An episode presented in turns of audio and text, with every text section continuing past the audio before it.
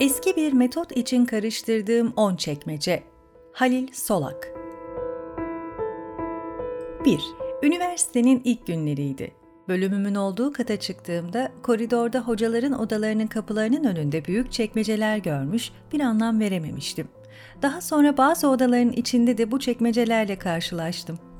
İç hacmi çok küçük olan, yan yana ve üst üste onlarca çekmece. Belki dolap demek daha doğru olur. Acaba bunlar ne işe yarıyordu? Bir takım evrakları ya da kırtasiye malzemelerini koymak için çok küçüktüler. Ayrıca bunun için bu kadar çekmeceye de gerek yoktu. Artık kapının önüne konulduklarına göre miadını çoktan doldurmuş olmalılardı. 2.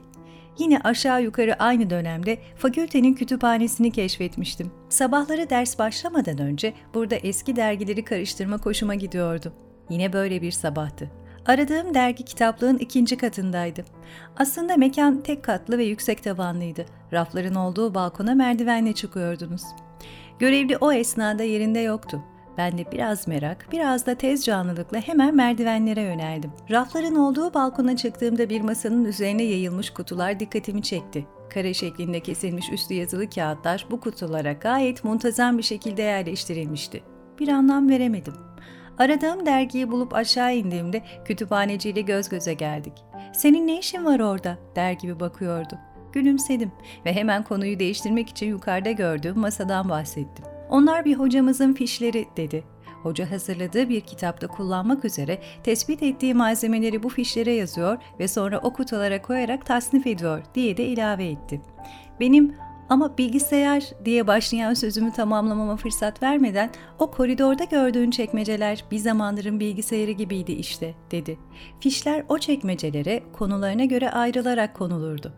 İşte üniversitenin ilk aylarında öğrendiğim en yeni bilgi buydu ve doğrusu bu konu çok ilgimi çekmişti. Daha sonra pek çok hatıratta ve nehir söyleşi de okuyacağım, kimi zaman da bizzat bu şekilde çalışanlardan dinleyeceğim fiş metodu hakkında ilk bilgileri böylece edinmiş oldum. Maksat malzemeyi tespit etmek, sonra da tasnif ederek yazım aşamasının olabildiğince kolay geçmesini sağlamaktı. 3. Peki fiş sistemiyle nasıl çalışılır? Elbette bu işinde bir kuralı kaidesi var. Bu yolda rehberimiz yıllarca İstanbul Üniversitesi Edebiyat Fakültesi'nde bu sistemin dersini veren Profesör Doktor Mübahat Kütükoğlu. Temelde iki çeşit fiş vardır. Bibliografya fişi ve bilgi fişi. Bibliografya tespitine başlamadan önce faydalanılacak kitap ve makalelerin yazılacağı fişler hazırlanır. Bu fişler 7,5 çarpı 12,5 santim ebadında karton veya kolay yıpranmayacak kalın kağıttan kesilmelidir. Bibliografya fişlerinde yazar adı, kitap makale adı, yayın yeri, yayın evi ve baskı tarihi yer alır. Fişler yazıldıkça kabaca tasnif edilmeli, bir zarf veya kutu içinde saklanmalıdır. Çalışılan konuyla ilgili bibliografya taraması bittikten sonra sıra bunlar okunurken bilgi fişlerini yazmaya gelir. Burada iki yol vardır. Ya ilgili kısmı aynen kopya etmek ya da özetlemek. Not almaya başlanırken ilk iş kitabın, makalenin, belgenin tam künyesini kağıdın sağ üst köşesine yazmaktır. Not alırken eserde kullanılan alfabe tercih edilmeli ve buna göre yeni yazıysa kağıdın solunda, eski yazıysa sağında kağıdın ebadına uygun olarak 3-4 santimlik bir boşluk bırakılmalıdır. Satır sonunu da sayfanın bitim çizgisine kadar götürmemeli, 3-5 mm kadar önce kesmeliyiz. Satır başında bırakılan boşluk okunup tasnif edilmesi sırasında bazı ufak notların konması için işe yarayacaktır. Satır sonlarında bırakılacak birkaç milimetrelik kısım kağıdın herhangi bir şekilde mesela zarflara konulup çıkarılırken yıpranması karşısında yazının okunmaz hale gelmesine karşı alınacak bir tedbirdir. Profesör Kütükoğlu artık pek çok araştırmacının bilgisayar kullanarak daha çabuk ve temiz not alacağını söyleyerek fiş usulünü sanal ortamda da uygulamanın yolunu gösteriyor. Bilgisayarımızda kitabın kopya edilecek kısmını yazmaya başlamadan önce burada da evvela sayfanın sağ tarafına eserin künyesi yazılmalı ve sayfa numarası konulmalıdır. Not alırken konu değiştiğinde sayfa değiştirmek veya eğer gerekiyorsa yeni bir dosya açmak ihmal edilmemelidir. Dosyalar hafızaya alınırken kolayca bulunabilmesi için unutulmayacak bir dosya ismi verilmeli veya kitabın adıyla kaydedilmelidir. İşlem kısaca böyle. Konunun ayrıntılarını merak edenler hocanın tarih araştırmalarında Usul adlı kitabına bakabilir. Bu arada şunu söylemeliyim. Tarih ve edebiyat alanında fiş usulüyle çalışanların en başında modern Türkolojinin kurucusu Ordinarius Profesör Fuat Köprülü gelmektedir. Zaten bu yolu takip edenlerin pek çoğu ya bizzat ya da fahri olarak onun öğrencisi olmuş isimler. Köprülünün pek çok fotoğrafında arkasında duran devasa dolaplar sanırım gözünüzde canlanmıştır. İşte onlar fiş dolapları. Şükür ki bu dolaplar, fişler, dosyalar ve müsveddelerin büyük bir kısmı şu an İstanbul Şehir Üniversitesi'nin koleksiyonunda muhafaza ediliyor. 4. Köprülü'nün bir fiil öğrencisi olan Profesör Doktor Halil İnalcık, kendisine binlerce olayı nasıl hatırlıyorsunuz diye soranlara çok kolaylıkla hatırladığını ama bu işte onların bilmedikleri bir sırrının olduğunu söylüyor. Okuduğunuzu gayet tabii unutursunuz. Okuduğumdan fişler çıkarıp koyuyorum. Eğer böyle organize olmazsanız ilim yapamazsınız. İnalcı'nın yüzden fazla konu dosyası, bunlarla ilgili de binlerce fişi vardır ve bu dosyalardaki fişlerden yola çıkarak kolaylıkla bir makale ya da bir kitap yazılabilir. Mesela esnaf teşkilatı için gelişmiş bir kartotekim var. 60 yıl içinde çıkardığım fişlerin hepsi orada. Şimdi o konuyu alsam uzunca bir makale yazabilirim. Yine hükümdarların unvanları üzerinden siyasi neticeler çıkardığı makalesini yazmak için de daha önce onlarca kaynaktan topladığı fişlerini kullandığını belirtir. Binlerce fişiyle birlikte kütüphanesi, dosyaları, mikrofilmleri ve diğer evrakını 1993 yılında Bilkent Üniversitesi'ne getirerek burada kurulan Halil İnancık Center of Ottoman Studies'e bağışlamıştır. Şu an araştırmacılar bu merkezden kolaylıkla yararlanabiliyor. 5. Fiş metoduyla büyük eserler veren hocaların hocası Orhan Şahik Gökyay da çıraklık zamanını Köprülü Mektebi'nde geçirmiştir. Dede Korkut'tan Molla Lütfiye, Gelibolulu Mustafa Ali'den Evliya Çelebi'ye, Türkolojinin birbirinden farklı problem yumaklarıyla dokunmuş metinler üzerinde çalışan Gökyay'ında binlerce fişi vardır. Bu fişlere kaydettiği bilgileri sadece kendi çalışmalarında kullanmayan hoca, bilgisini her zaman öğrencileriyle paylaşır. O kadar ki kendisine sorulan mesela bir kelimenin kökenine, bir tabirin anlamına dair soruları cevaplandırmak için fişlerinden yola çıkarak uzun mektuplar yazdığı olurmuş. Bu yazı aklıma düştüğünde Orhan Şahik Gökyay'ın 1994'teki vefatından sonra kütüphane ve evrakının intikal ettiği İSAM Kütüphanesi'ne gittim. Maksadım hocanın fişlerini görmekti. Ziyaretim bereketli geçti. Destanlar, hikayeler, kelimeler, deyimler ve cönklerle ilgili bilgi fişleri, örf ve adetlerle ilgili bibliografik fişler, makale ve kitap çapında yazdığı eserlerine dair rengarenk fiş dosyaları karşıladı beni. Siyah, mavi, yeşil, kırmızı. Bu renk renk kalemlerle tutulan fişlerin sırrına İsmail Kara'nın Sözü Dilde, Hayali Gözde adlı kitabını okuyunca vakıf oldum. 1984 yılının başında bir dergi projesi için Ezel Erverdi, Mustafa Kutlu, İsmet Özel ve İsmail Kara, Orhan Şahik Gökyay'ın evine giderler. Sohbet esnasında misafirlerden biri, İsmail Kara kim olduğunu belirtmiyor, not almak için elini Gökyay'ın çalışma masasının üzerindeki kalemliğe uzatır. Tam o sırada hocanın eşi Ferhunde Hanım sessizce Orhan Hoca'nın kalemlerine dokunmayın, ben size başka bir kalem getireyim der. Alt tarafı bir kalem dediğinizi duyar gibiyim. İşin aslı biraz sonra Ferhunde Hanım'ın açıklamasıyla anlaşılır. Orhan Şahik Bey çalışırken aldığı notlarda kendine has bir usulle başka başka kalemler kullanır. Eline attığında kullanacağı kalemi bulamayınca da kızar. Morali bozulur ve çalıştığı konudan koparmış. İsmail Kara bu fişleri gördüğünde Ferhunde Hanım'a hak vermeden edemez. Daha sonra tuttuğu notları, fişleri ve yazdığı yazıların müsveddelerini görünce Ferhunde Hanım'a ziyadesiyle hak verdim.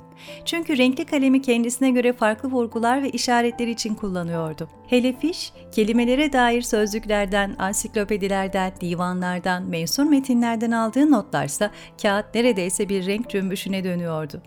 Orhan Şahik Gökyay dışında Profesör Doktor Nihat Çetin, Profesör Doktor Nihat Keklik, Muhammed bin Tavit Et-Tanci'nin fişlerinin de İSAM kütüphanesinde muhafaza edildiğini söyleyeyim. 6. Fiş metoduyla çalışan ve eser veren edebiyat tarihçisi Nihat Sami Banarlı da hocası Köprülü'den öğrendiği üzere her mevzu için ayrı ayrı bibliografya fişleri tutar, onları konularına göre ve kronolojik olarak düzenleyip zarflara koyardı. Çalışma odasında bu fişleri koyduğu çekmecelerde bölümleri ayrılmıştı ve her okuduğu eserle ilgili notları da fiş dolabının ilgili bölmelerine özenle yerleştirirdi. Böylece neyi nerede bulacağını bilir, malzemesini bu şekilde tasnif ettikten sonra da yazısını rahatlıkla yazardım. Fişleri onu ziyarete gelenlerin de dikkatini çekmiştir. Mesela Banarlı'nın öğrencisi olan tasavvuf tarihçisi Profesör Doktor Mehmet Demirci, hocasının evine gittiğinde senelerce emek çekerek biriktirdiği fişleri de görmüştür.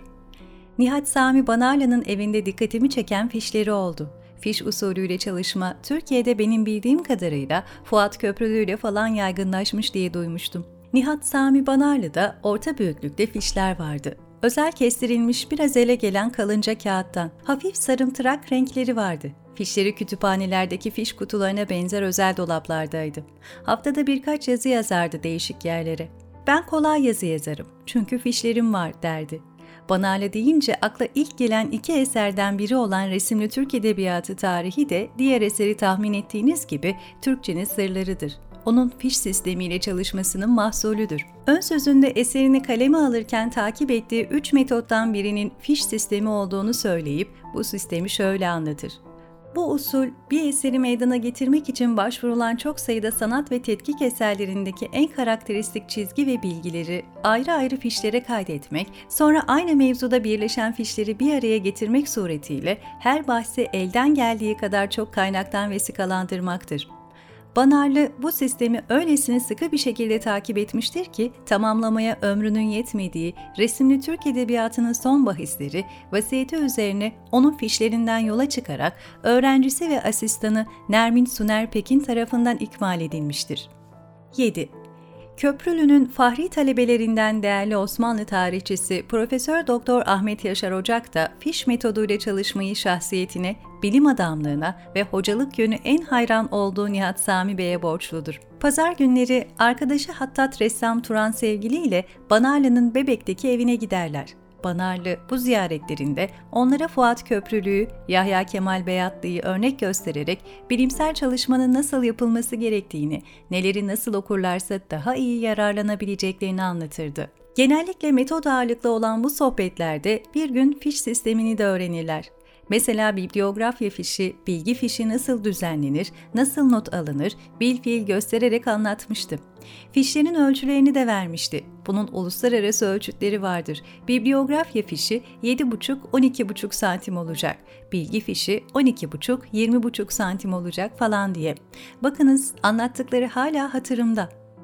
O gün Banale'den fiş metodunu öğrenen bu iki öğrenci bebekten koştura koştura Cağaloğlu'ndaki hurda kağıtçılara gider. Çünkü o yıllarda bugünkü gibi hazır paketli fişler ve muhafaza için küçük kutular yoktur. Buradan ucuz kilo hesabı hurda ince karton alıp matbaada Banale'nin söylediği ebatlarda kestirirler. Artık sıra çalışmaya gelmiştir. O zaman kafamda belirli bir konu olmadığı için okuduğum kitaplarda ilgimi çeken kısımları fişlere geçiriyordum. Kitabın künyesini de hem bibliografya fişine hem de bilgi fişinin başına yazardım. Bu şekilde çalışırdım. O fişlerimi de hala saklıyorum. Fiş sistemiyle çalışmanın yararını anlamayan bazı arkadaşlar niçin böyle çalıştığımızı merak ederlerdi. Biraz fazla zamanını almasına rağmen halen fiş sistemini kullanan Ahmet Yaşar Ocak, bilgisayarları fiş sistemi kadar kullanışlı ve pratik bulmuyor. Ekranda en fazla kaç pencere açabilir? Açabilseniz de ne kadar rahat kullanabilirsiniz? Bu sistemi tercih etmesinin bir başka sebebi de bilgisayarlarda olduğu gibi fişlerin çökme, silinme riskinin olmaması. Yüksek lisans ve doktora öğrencilerine de bu şekilde çalışmalarını tavsiye eden hocanın nasıl bir yol izlediğine kulak verelim. Üzerinde çalışmakta olduğum konuyla ilgili okumaları yaparken hangi makaleyi, matbu veya yazma kitabı okuyorsam ilgilendiğim kısmı özet olarak değil, hangi dilde ise Arapça, Farsça, Osmanlı Türkçesi veya Batı dilleri fişlerime aynen geçerim. Çünkü daha sonra yine lazım olduğunda belki o kitaba veya makaleye ulaşmanız mümkün olmayabilir. Bu sebeple metni aynen kaydetmeniz çok yararlıdır. 8. 2016'da kaybettiğimiz köprülü ekolünün son temsilcilerinden Profesör Doktor Ömer Faruk Akün, fiş sistemiyle çalışmaya çok erkenden lise yıllarında başlamıştır. 1940 yılında Adnan adı var başında olduğu İslam Ansiklopedisi için kendisinden bazı eserlerin taranmasını ve eserlerde geçen özel isimleri, coğrafi isimleri, kitap, kişi, kurum isimlerini fişlemesini ister. İlk telif ücretini de Mustafa Ali'nin Künhül Ahbarı'nın birinci cildini tarayıp fişleyerek alır. İstanbul Üniversitesi'ndeki hocalığı döneminde araştırma için gittiği Fransa'da Bibliotek Nasyonel'deki gazete koleksiyonları ve kataloglar üzerinde günlerce çalışarak iki yıl boyunca binlerce fiş çıkarır. İstanbul'dan Paris'e giderken tıka basa yiyecek dolu olan bavulları dönüş yolunda da ağzına kadar doludur. Gümrük memurlarının isteği üzerine açtığı bavulların içinde blok notlar ve binlerce fişten oluşan kağıtlar çıkar. Akün Hoca her biri kitap çapındaki makalelerinin ve hem Milli Eğitim Bakanlığı hem de Türkiye Diyanet Vakfı'nın İslam Ansiklopedisine yazdığı hayranlık uyandırıcı maddelerin arkasındaki birikimi yıllar sonra şöyle anlatacaktır. Her birinin ortaya çıkması yıllar ve büyük emekler alan bu faaliyet dolayısıyla kitap sayısı az hatta bazılarınca kitapsız bir kalem sahibi gibi görünmekten de çekinmedim. Her iki ansiklopediye yazdıklarımın hepsinin ardında yılların birikimi hatta ortaokul yıllarından beri tuttuğum notlar, çıkardığım fişler vardır. Kudema'nın El İlmü Saydun vel Kitabitü Kaydun fehvasını tam anlamıyla uyanlardan biri, belki de birincisi Süheyl Ünver'dir. 1915'ten beri her sene artan bir şevkle işittiği ve okuduğu her güzel ve faydalı bilgiyi kaydetmeyi alışkanlık haline getirdiğini söyleyen Ünver, bu itiyatla binlerce ufak kağıt parçasına kaydettiği notları sayesinde sayısı binlerle ifade edilen zarf, dosya ve defterlerini oluşturmuştur. Herkese de bu yöntemle çalışmayı tavsiye eden Ünver'in gençlere nasihat babında yazdığı bir yazının ilk cümlelerini Beraberce okuyalım. Boş yere lüzumsuz kitaplar okumakla vaktini heder etme. Onları karıştır. Nerede ne var öğren. İcabına göre alakadar olduğun mevzular üzerinde topladıklarını okur, edindiğin intibaları ve sana gelen yeni fikirleri bir kağıtçığa not ederek onların isimlerinin bulunduğu dosyada saklarsın. Talebesi Uğur Derman'a Amerika'dan yazdığı mektuplarda da bu konu etrafında önemli durur. Arada bir bu bahsi hatırlatan satırlar yazar. 23 yaşında yolun başındaki genç Uğur Derman'a yolunu kısaltacak öğütler verir. Siz İlmü Sanat Vadisi'nde yol aldınız. Gönlüm sizi ansiklopedist bir alim görmek istiyor. Boş zamanlarınızda size bir tavsiyede bulunacağım. Hangi dilde olursa olsun daima karıştırın. Kitapların önce mahiyeti ve şekilleri hakkında bir fikir alırsınız ve sonra benim gibi bir beyit, bir mısra, bir söz, bir kayıt ve bir tarih. Ne bulursanız hepsini adi ufak kağıtlara kaydedin, sonra tasnif ediniz.'' Not alma usulüyle çoğalan fiş, dosya ve defterlerdeki bilgilerin önemli bir kısmını kendi eserlerinde kullanan Süheyl Ünver'in topladıklarının bir kısmı da kendi ilgi alanlarının dışındadır. Bunda da maksadı başkalarının işine yarayabileceği ihtimalidir. Bu ihtimal için biriktirilen notlardan yararlananlardan biri Profesör Doktor İhsan Süreyya Sırma'dır. Fransa'da doktora yapan Sırma yaz tatilinde memleketine gelir. İstanbul Üniversitesi Nadir Eserler Kütüphanesi Müdürü Nurettin Kalkandeli'nin o büyük alimdir, onda çok bilgi vardır tavsiyesi üzerine Süheyl Ünver'le tanışmaya gider. Abdülhamid'in Şeyhülislamları üzerine çalıştığını söyleyince Ünver hemen kendisine bir defter uzatır. Şeyhülislam Cemalettin Efendi'nin kendi el yazısıyla bir şiiri. Sırma hemen bir kopyasını alır.